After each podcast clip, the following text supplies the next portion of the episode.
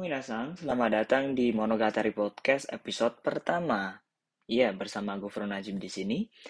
Di episode pertama aku akan cerita tentang gimana aku ke Jepang aja kali ya. Ya, aku dulu sebelum ke Jepang itu aku kuliah dulu di Jogja, salah satu universitas swasta di Jogja. Jurusan D3 Bahasa Jepang.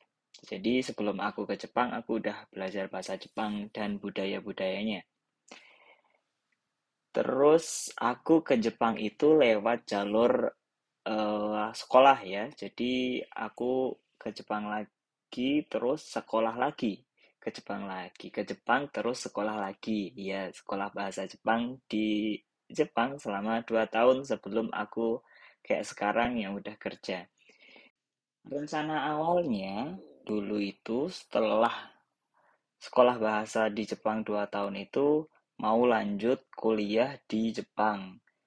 Dulu kan pas masih mutusin buat sekolah ke Jepang kan masih dalam masih mahasiswa ya. Jadi rasanya pengen buat kuliah lagi itu ada. Tapi setelah di Jepangnya setelah sekolah bahasa 2 tahun di Jepang jadi males buat lanjut kuliah lagi karena tahu gimana sekolah di Jepang itu berat banget. Nggak bisa main-main kayak di Indonesia yang nyantai gitu cara belajarnya. Di Jepang itu benar-benar harus benar-benar fokus sama pelajaran. Sama berat bayar juga sih lebih tepatnya dan setelah dua tahun sekolah bahasa di Jepang, aku lebih mutusin untuk ke kerjaan aja. Karena berhubung aku di Indonesia udah kuliah juga, jadi nggak perlu ke sekolah uh, penjurusannya lain. Jadi kalau di Indonesia belum lulus kuliah, itu belum punya belum punya ijazah sarjana, entah itu D3, minimal D3, itu harus sekolah penjurusan lain. Jadi sekolah bahasa, sekolah penjurusan baru bisa kerja. Karena aku udah kuliah di Indonesia, jadi sekolah bahasa aja, terus bisa ngambil kerja.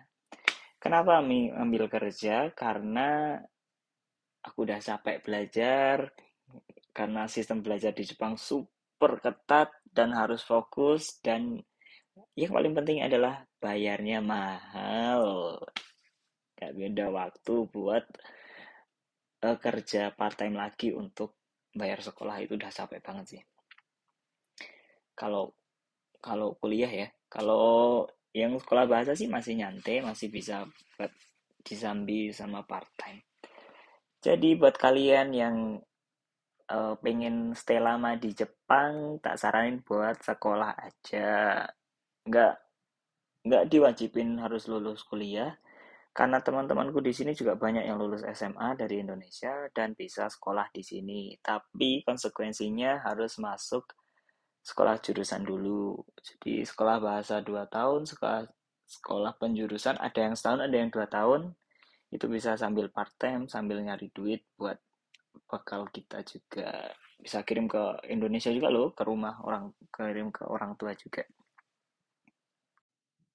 Tapi semuanya itu kan ada hikmahnya ya. Jadi walaupun lama dan bayarnya lam, bayarnya mahal gitu, ada hikmah di balik semuanya. Salah satu yang aku rasain kalau dibandingin sama yang magang ya.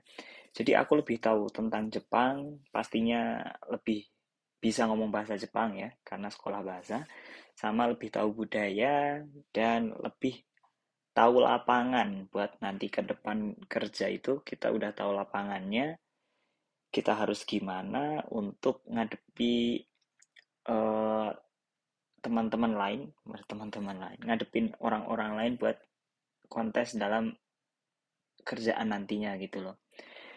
Kecuali kalau beda dengan uh, orang yang magang karena dia dididik dari Indonesia dan cuma tahu yang dia dipelajari dia dia pelajari dan dia jejel-jejeli dari uh, pengajarnya.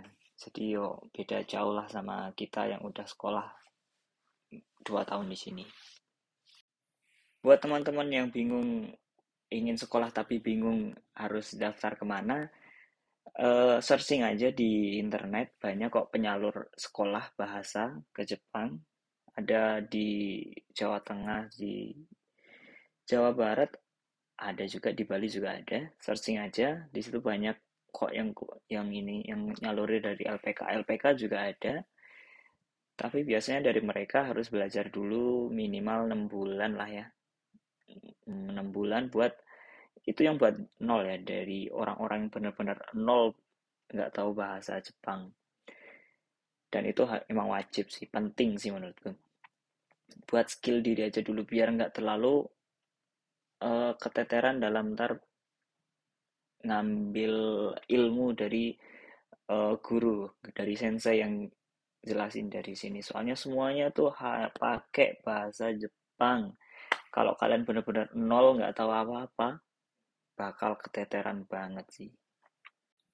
Oke, mungkin cukup sekian dulu dari episode pertama dari Monogatari Podcast.